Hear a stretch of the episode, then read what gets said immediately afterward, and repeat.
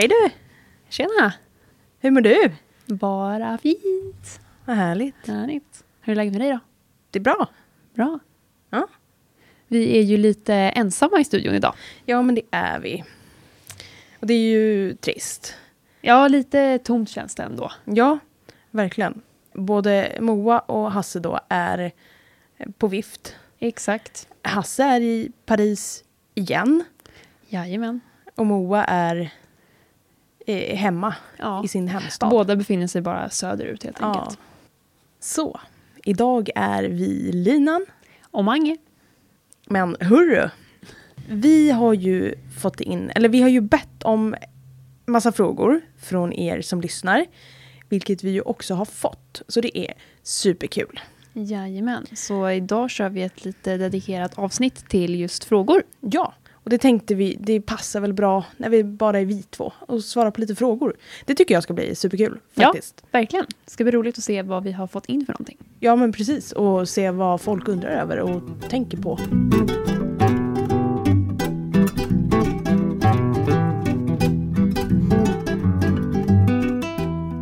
Ge mig en fråga. Nu ska du få en fråga här. Vilket djur har den längsta livslängden och varför är det så olika? Och då vill jag ställa dig en fråga. Kan du svara på det här? Nej. Eh, vad tänker du? Jag tänker på... Är det inte så... Dels, sköldpaddor blir ju väldigt, väldigt gamla. Mm. Men sen funderar jag på, är det inte något djur som i princip är odödlig? Mm. Är jag inne på att spana på någonting? Ja. Är det inte typ så här humra eller krabbor? Det är något sånt djur som är som lever otroligt länge. Mm.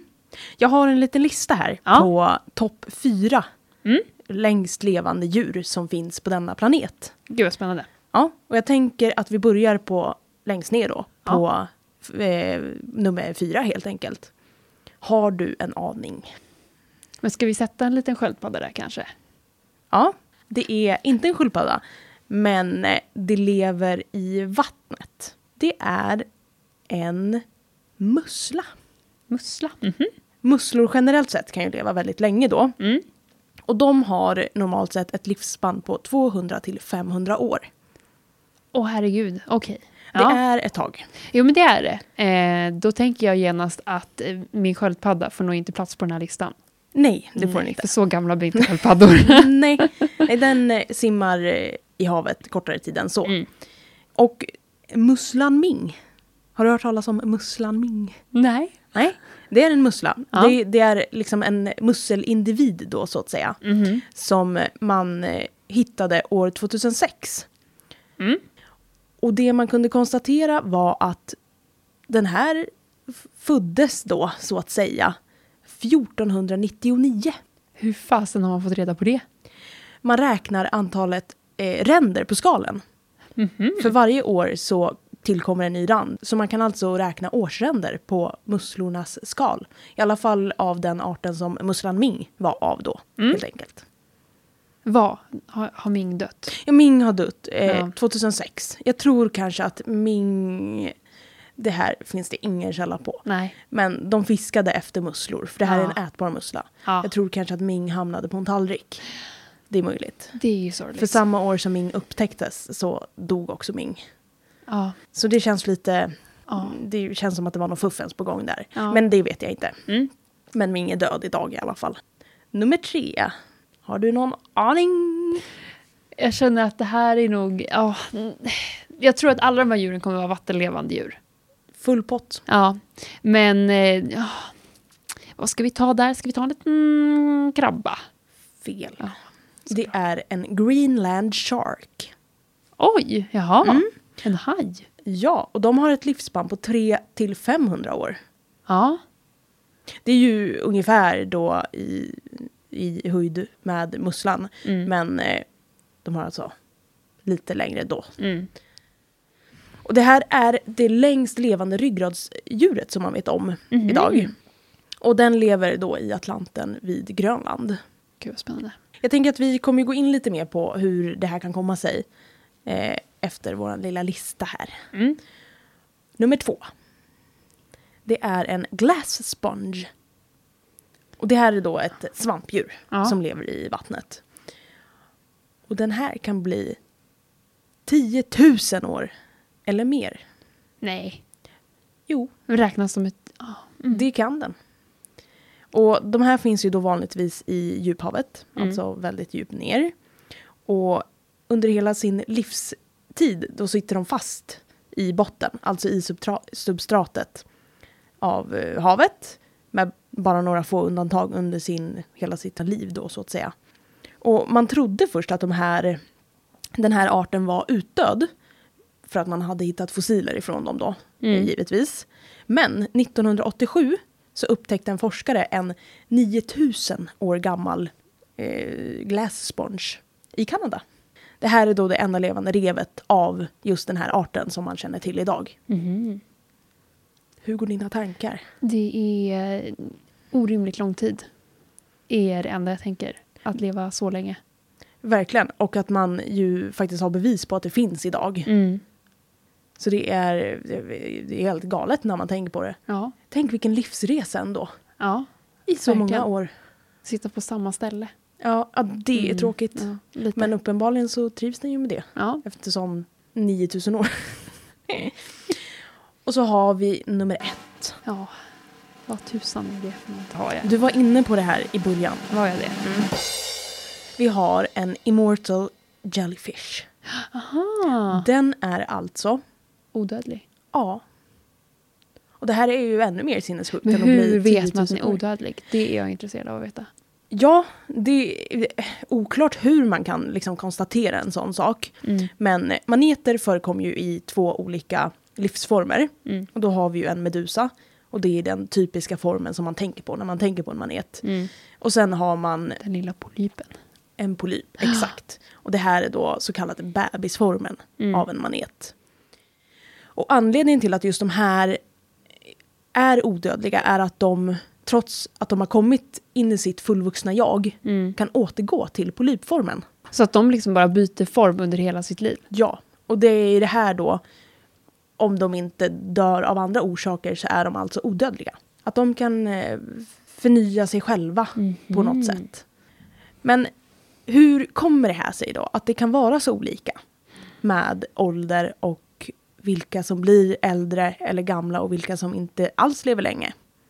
Det är ju så att i våra kroppar så har vi ju så kallade kromosomer, vilket är våran genuppsättning. Och längst ut på våra kromosomer så finns det någonting som heter telomerer. Och det här är då som ett typ av skydd, skulle man kunna säga. Det här består av nukleotider som inte kodar för en gen. Så de här telomererna är liksom inte gener på något sätt. Utan de finns där som ett skydd för kromosomen helt enkelt. Och varje gång det sker en celldelning så förkortas de här telomererna. Och då är det så att snabb celldelning innebär förkortade tel- telomerer snabbare helt enkelt.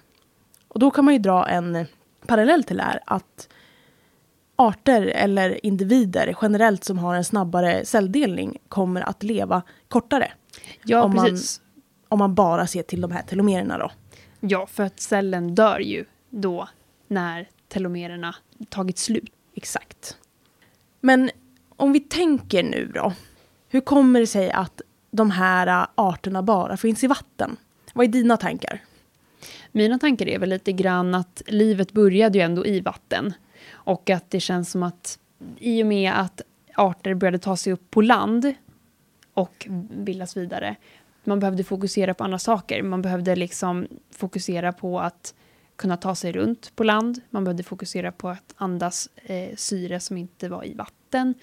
Och att utveckla de egenskaperna har ju tagit mycket tid som hade då för de vattenlevande djuren. De har ju kunnat lägga den tiden och energin, lite grann hårdraget, på att utveckla andra eh, egenskaper. Tänker jag i alla fall. Ja, precis. Jag är inne på exakt samma spår. Att eh, vatten som livsmiljö eh, förändras ju inte alls lika snabbt som miljön uppe på land.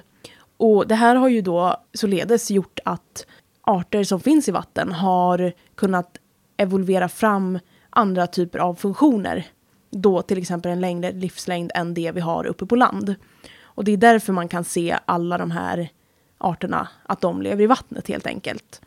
Och jag tänker också att ett långt liv betyder ju att man kan reproducera under en längre tid, vilket ju är gynnsamt för en själv som individ men också för den arten. Så jag tror att just lång livslängd är ju gynnsamt när det kommer till fitness och naturlig selektion. Mm. Ja, så är det ju verkligen. Eller det kan vara i alla fall, tänker jag. Sen så blir det, ju, det är ju spännande om man hade tittat mer på de här djuren och hur reproduktionen ser ut. Eh, och om hur, hur ofta de reproducerar sig och så. Mm, verkligen. Fråga två. Vilka fågelarter anses ha den största hjärnan i förhållande till sin kroppsstorlek och hur används deras intelligens i det vilda? Jag tycker att det är en väldigt intressant fråga. Eh, för fåglar har jag i alla fall hört mycket kring att folk har sagt att de är väldigt intelligenta. Eh, man har sett mycket videos på till exempel korpar som löser olika typer av problem och så vidare. Och man kastar sig gärna lite grann då med begreppet intelligens. Mm. Men vi tycker väl att det är, ett lite problematiskt begrepp. För det ligger mycket bakom det när man börjar gräva i det. Mm. För just begreppet intelligens är ju, precis som allt annat när vi pratar om saker och ting, det är ju ändå skapat av människan. Så är det ju. Och det är ju lite med beaktning ändå att man har ju först och främst tittat på ett sätt att mäta intelligens hos människor. Och som det är nu så vet vi inte hur vi ska mäta intelligens hos människor. Och ännu mindre hur vi ska mäta intelligens hos djur. För begreppet är ju lite anpassat för att funka på att mäta mänsklig intelligens. Och applicerar vi det på en annan art så blir det lite tokigt. Så är det ju verkligen. För att precis som du sa så finns ju det finns ju ingen konkret definition för vad intelligens är. Inte ens hos människor. Men jag tror att många tänker att IQ-tester är det sättet man då testar IQ eller intelligensen. Men Det är ju bara en del av det. Man kan ju titta på social intelligens, man kan, titta, man kan ju dela Exakt. upp det. Och om man skulle se till just då IQ-tester och säga att ja, men det här definierar eller det här testar intelligensen. Hur skulle vi då kunna applicera det på våra djur? För att det kräver ju vissa förutsättningar att kunna göra ett intelligenstest. Och det är mycket som påverkar ett sådant resultat också. För till exempel om man ska gå någonstans och göra ett IQ-test så krävs det ju att man har en hand att kunna skriva med och att man har förutsättningar att kunna läsa, skriva och kanske räkna till och med. Och att man har ett språk att förmedla det med en penna. Precis, så det är ju mycket inlärning här som krävs, alltså mänsklig inlärning för att kunna utföra ett sånt här test. Men vidare då från IQ-tester. Och som sagt, det är ju problematiskt. Och det man lite tittar på istället för storlek är neurodensitet i hjärnan. Och det här innebär ju, lite förenklat då kanske, hur, hur mycket neuroner och hur mycket nerver som finns i hjärnan. Ja, precis. För neurodensitet blir ju egentligen hur tätt packade neuronerna är. Och ju tätare packade de är, desto snabbare kan signalerna gå. Så att för många fåglar så blir det att saker de uppfattar till exempel med synen hinner de tolka i hjärnan snabbare än vad vi människor kan.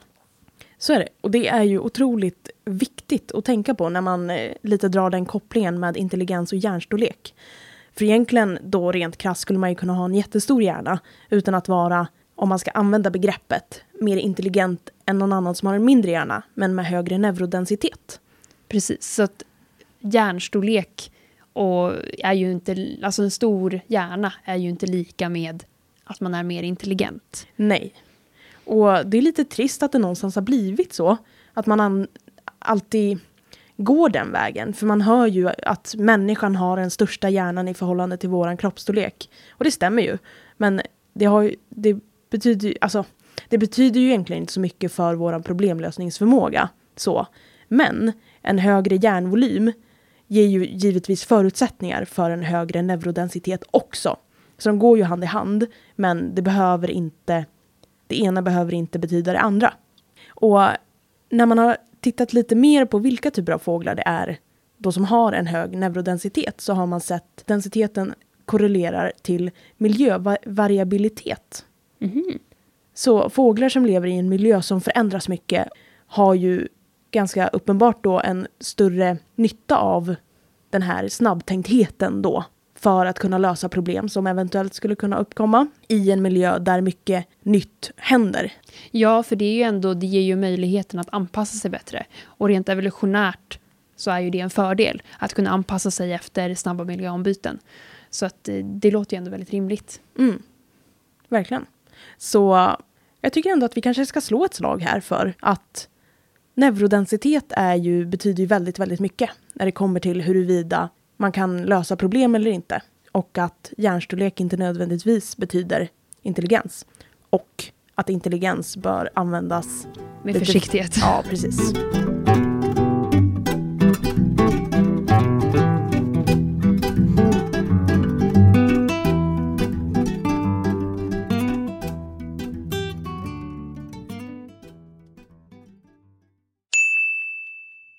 Vilket djur har flest tänder?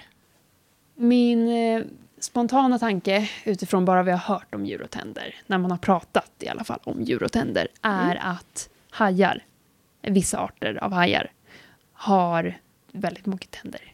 För Mm. att de har flera rader, till exempel vithajen. Att den har ju, jag tror att det är sju rader med tänder, så de har ju en ganska stor uppsättning tänder. Men hade inte blivit förvånad om det finns andra djur som har eh, fler tänder. Om man Mm. säger så. Ja. Då har vi sniglar som Mm. tar sig högst upp på den listan. För vissa arter av sniglar kan ha omkring 20 000 tänder. Det är helt sinnessjukt. De måste vara väldigt, väldigt små för att få plats i en snigel. Det är de Mm. nog med största sannolikhet. Och tänderna i en snigel är ju anordnade som i ett typ av mönster. Mm. Och hela den här anordningen då i munhålan då och tillsammans med tungan, för tänderna sitter också på tungan, kallas ju eh, radulan Mm. hos sniglar. Det kanske låter bekant. Ja. Och anledningen till att det här har evolverat fram är för att sniglar ofta äter mat som sitter på substrat. Alltså som sitter fast på en yta. Så tänderna används alltså för att kunna skrapa av den maten de ska äta. Helt enkelt. Men är deras tänder då liksom uppbyggda på samma sätt som eh, våra tänder? Eller är de gjorda av ett annat eh, typ av material? De är gjorda, jag tror att det skiljer sig mellan arter. Mm. Och de är gjorda av, hos en viss art av sniglar så är, om jag inte missminner mig nu, så var deras tänder hårdare än till exempel titanium. Mm. Så det är annat material och uppenbarligen väldigt mycket mer kraftfullt än vad våra tänder är. Wow, sniglar ska man akta sig för. Ja, så man inte blir uppäten av Mm. radulan. Hej! Eh, har lyssnat på er podd och tycker den är superbra och väldigt intressant. Thank you. Ni pratar ofta om positiv förstärkning och positiv bestraffning. Har lite svårt att särskilja på inlärningssätten. Vill ni berätta lite mer om det? Oh, ja. Det gör vi så gärna. Och så är det ju verkligen. Vi pratar ju mycket om positiv bestraffning och positiv förstärkning kanske framför allt. Men det som är viktigt att tänka på när man pratar om inlärning och inlärningsteorierna då är ju att allt är lite utav en gråskala. Men vi börjar väl i ena änden då. Vi kan börja med positiv bestraffning då. Eh, det innebär ju att man lägger till någonting, så det därav positiv, någonting som djuret inte tycker om, och det är då bestraffning. Så att ett exempel skulle kunna vara att man lägger till ett eh, slag, exempelvis, i syfte att minska ett beteende. Ja. Och sen har vi då positiv förstärkning. Och det man gör då är att man lägger till positiv, någonting som djuret upplever bra. Och då förstärker man ett beteende. För alla arter så finns det olika primära förstärkare. Men för de allra flesta så är det här mat. Och det är därför man ofta tränar med eh, godis eller någonting som djuret tycker är gott, helt enkelt. För det här blir då som sagt en primär förstärkare. Men sen har vi ju två till inlärningssätt. Yes. Och det är här lite kruxet kommer in med det hela. Men vi kör på negativ förstärkning först, tänker jag, innan vi börjar resonera lite. Och det är att man tar bort något negativt som djuret tycker är obehagligt. Därav Ja. förstärkningen. Och ett exempel är ju det traditionella, främst, eller det vanliga, främst i hästvärlden kanske, att man arbetar med tryck och eftergift. Och det här innebär ju då att man lägger till ett tryck. Det här blir ju lite förvirrande och det är därför jag tror att många kanske förvillas av det. Att man lägger till ett tryck och när djuret gör det man önskar, då tar man bort trycket. Och själva förstärkningen i situationen blir ju när djuret upplever lättnaden av att trycket försvinner. Och just i negativ förstärkning så är det ju viktigt i inlärningssyfte då att se till att djuret upplever positiva emotioner i stunden eller strax efter man har tagit bort, bort det obehagliga. Men jag personligen tycker att det är jätte, jätteviktigt att förstå att för att djuret ska kunna uppleva den här lättnaden av att trycket har försvunnit så måste den ju innan det stadiet ha tyckt att det varit obehagligt. Ja, eller i alla fall, för det, precis som du säger, det är ju verkligen en gråskala. Och sen har vi ju negativ bestraffning. Och det innebär att man tar bort, därav negativ, någonting som djuret vill ha. Och negativ bestraffning, ett exempel på det då, skulle kunna vara att om vi tar ett exempel med en hund. En hund som hoppar väldigt mycket när man ska hälsa. Den negativa bestraffningen här skulle alltså vara att sluta klappa hunden så länge den hoppar. För att det hunden vill ha i det här läget är klappar. Så det man gör är att ta bort det, alltså negativ, och bestraffning för att den vill ha klapparna. Man tar bort det den vill ha. Men vi var ju inne på att det här är ju en gråskala. Och det är en tunn tråd man går på när man arbetar med positiv förstärkning. För det här kan väldigt lätt gå över till negativ bestraffning. För om vi tänker att vi tränar med godis och så belönar vi när vi ser att djuret gör det vi önskar. Men varje gång vi tar bort godiset så blir ju det här negativ bestraffning. Eller snarare, det kan bli negativ bestraffning om man inte är väldigt lyhörd för att det faktiskt kan hända. För det är ju det som händer när man upplever frustration hos djur när man tränar med positiv förstärkning. Ja, exakt. För att man har ju, i alla fall jag som, eh, när jag har tränat djur, har ju ibland, när jag har tränat med godis, ibland känt att djuret blir lite frustrerat när den kanske inte förstår var, varför den inte får en godis. Den tycker att jag gör rätt, men jag som människa står kanske och väntar på ett annat typ av beteende eller att man väntar lite på att djuret gör det på ett lite annat sätt. Och då är det precis som du säger så himla lätt att halka över dit att man håller bort godiset och att det skapar en frustration istället. Mm. Och detsamma gäller ju då för negativ förstärkning och positiv bestraffning. Som vi sa så tar man ju bort ett tryck i negativ förstärkning. Men för att kunna ta bort ett tryck måste man ju någon gång ha applicerat det här trycket såklart. Och gör man det här på fel sätt, då kan det väldigt enkelt falla över till positiv bestraffning. Alltså att själva inlärningstillfället blir då man lägger till trycket.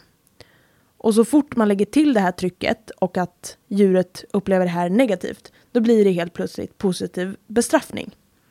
Så det är ju väldigt viktigt att kunna hålla koll på de här. Men det är, ju, det är ju en djungel. Mm. Och vi kan ju ta ett exempel då när man halkar över från negativ förstärkning till positiv bestraffning. Att det kan ju vara till exempel om vi har en häst och du vill att hästen ska flytta åt sidan.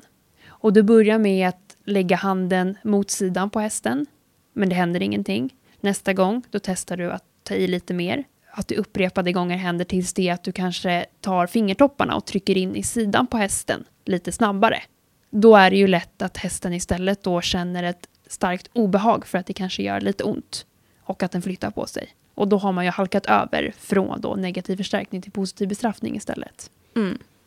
Och just det här är ju lite utav en definitionsfråga. För att man kan ju påstå i situationer att man har, eller att man använder negativ förstärkning fastän det ju faktiskt är positiv bestraffning. Och jag har ju ändå i tidigare avsnitt pratat lite grann om spön. Som man använder i den traditionella engelska eh, ridningen, alltså det vi till största del gör här i Sverige. Att jag har ju sagt att det alltid är positiv bestraffning. Och för att förtydliga det här så menar ju jag att när man rider en häst så använder man ju spöet för att lägga till någonting snabbt och effektivt. I alla fall i den bemärkelsen. Ja, precis. Typ om hästen har vägrat på ett hinder. Då är det ju många som drämmer till med spöet och då blir det positiv bestraffning. Givetvis kan man använda spön på andra sätt också. Men för att använda det i syfte, eller i syfte att använda ett spö med negativ förstärkning så skulle det innebära att man måste applicera spöet och låta det ligga kvar där man har applicerat det för att ta bort det när hästen gör det man vill. Så det är ju jätteviktigt egentligen att inte säga att det är alltid så. Men jag vill ändå påstå att det allt som oftast är positiv bestraffning när man använder ett spö när man rider för att hästen ska springa snabbare. Då slår man till den lite lätt på bakdelen och då springer den snabbare.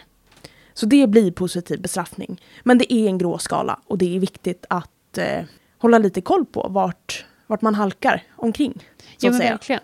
För det finns ju såklart också de som rider med ett spö, men att de använder det mer med hjälp av negativ förstärkning. Att de kanske, det beror ju lite på vilken gren man är inne på eh, och hur man såklart väljer. Men i den klassiska engelska ridningen så blir det ju oftast, precis som du säger, positiv bestraffning. Men för vissa använder man det ju lite som en pekpinne som många kan uttrycka sig. Och det är egentligen att man förlänger sin arm är tanken då. Så att man lägger till spöet att man lägger det mot till exempel bakdelen för att hästen ska då flytta undan. Och då blir det ju istället negativ förstärkning när hästen då flyttar på rumpan om man tar bort spöet därifrån. Ja, och då måste man ju alltså applicera spöet, låta det ligga kvar där och sen ta bort när hästen gör det man vill. Och just durationen för utnyttjandet är ju ofta längre under negativ förstärkning än positiv bestraffning.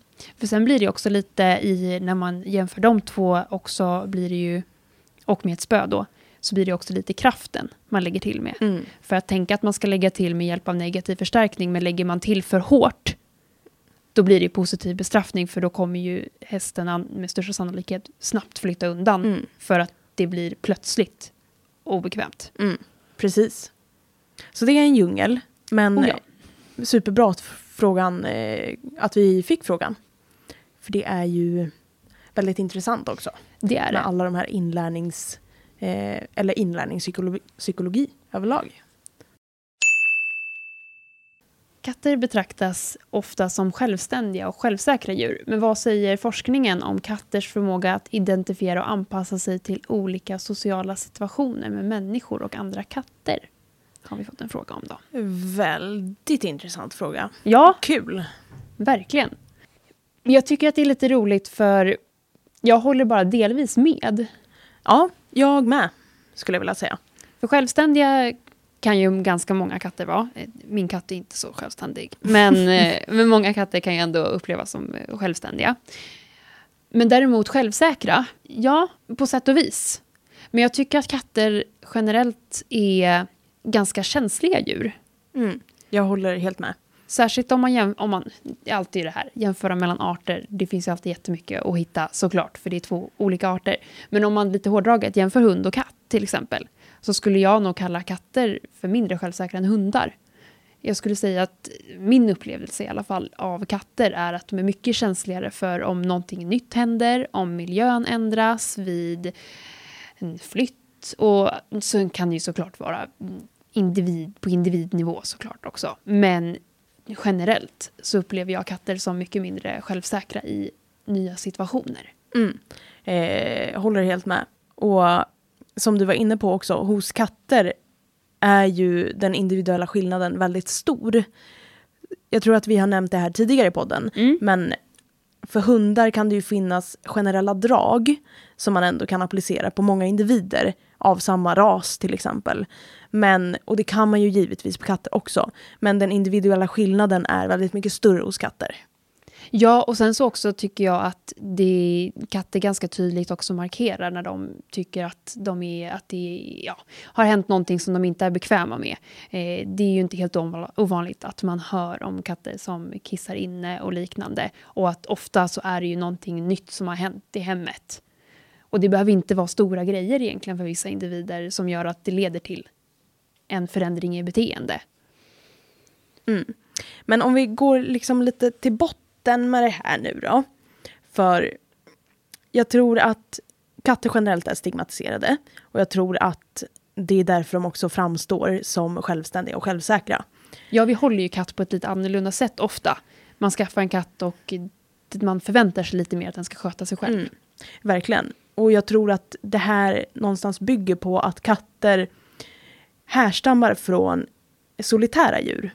Och jag försökte ändå kika lite på det här och vad man har forskat på.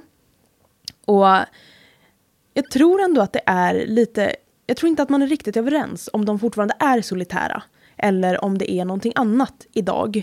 Men de har ju som sagt, de härstammar ju från solitära katter. Och som många nog redan vet så är ju både hundar, nu eftersom att vi har pratat lite om hundar också, både hundar och katter domesticerade. Och den största skillnaden i den processen har ju varit att med hundar så har man ju valt individer som man avlar på som ju faktiskt fungerar absolut bäst med människan.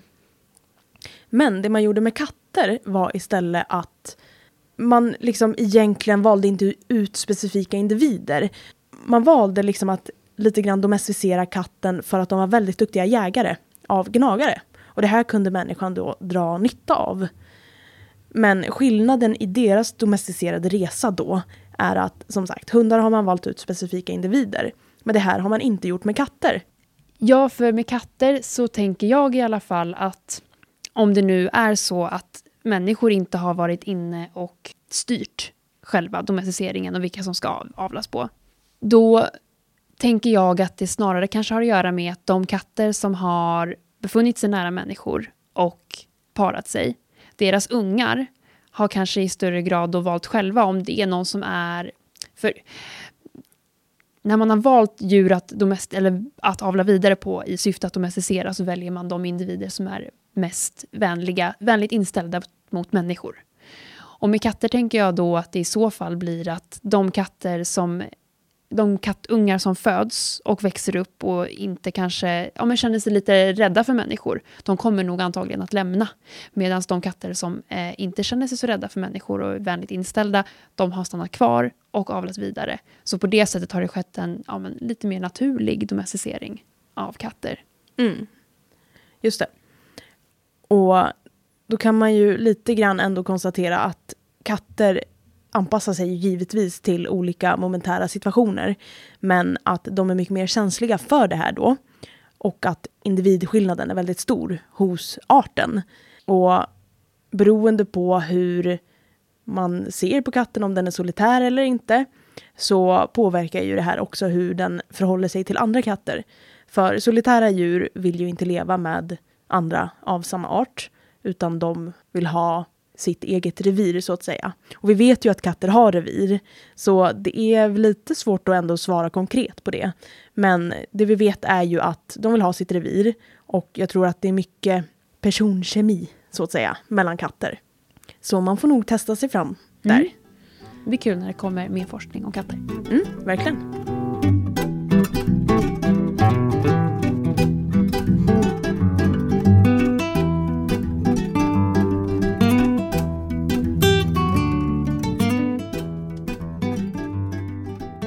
Men eh, sådär hörru. Har vi svarat på lite frågor? Jajamän. Som vanligt svävar det iväg lite känns det som. Men eh, Ja. det är ju kul ändå att grotta ner sig lite ordentligt. Ja men verkligen. Och jag tänker för att få ett eh, konkret svar, eller konkret, för att få ett utförligt svar på en fråga så är det ju kul faktiskt att eh, se till många olika aspekter. Nej men jag tycker det är superkul med ett sånt här frågeavsnitt. Ja, och var inte rädda för att skicka in fler frågor om ni har. Nej, verkligen. Ni kan kontakta oss på vår Facebook-sida som heter Gärna djur. Eller på vår Instagram som också heter Gärna djur. Eller på vår mail som heter jarnadjur hotmail.com. Tack för oss!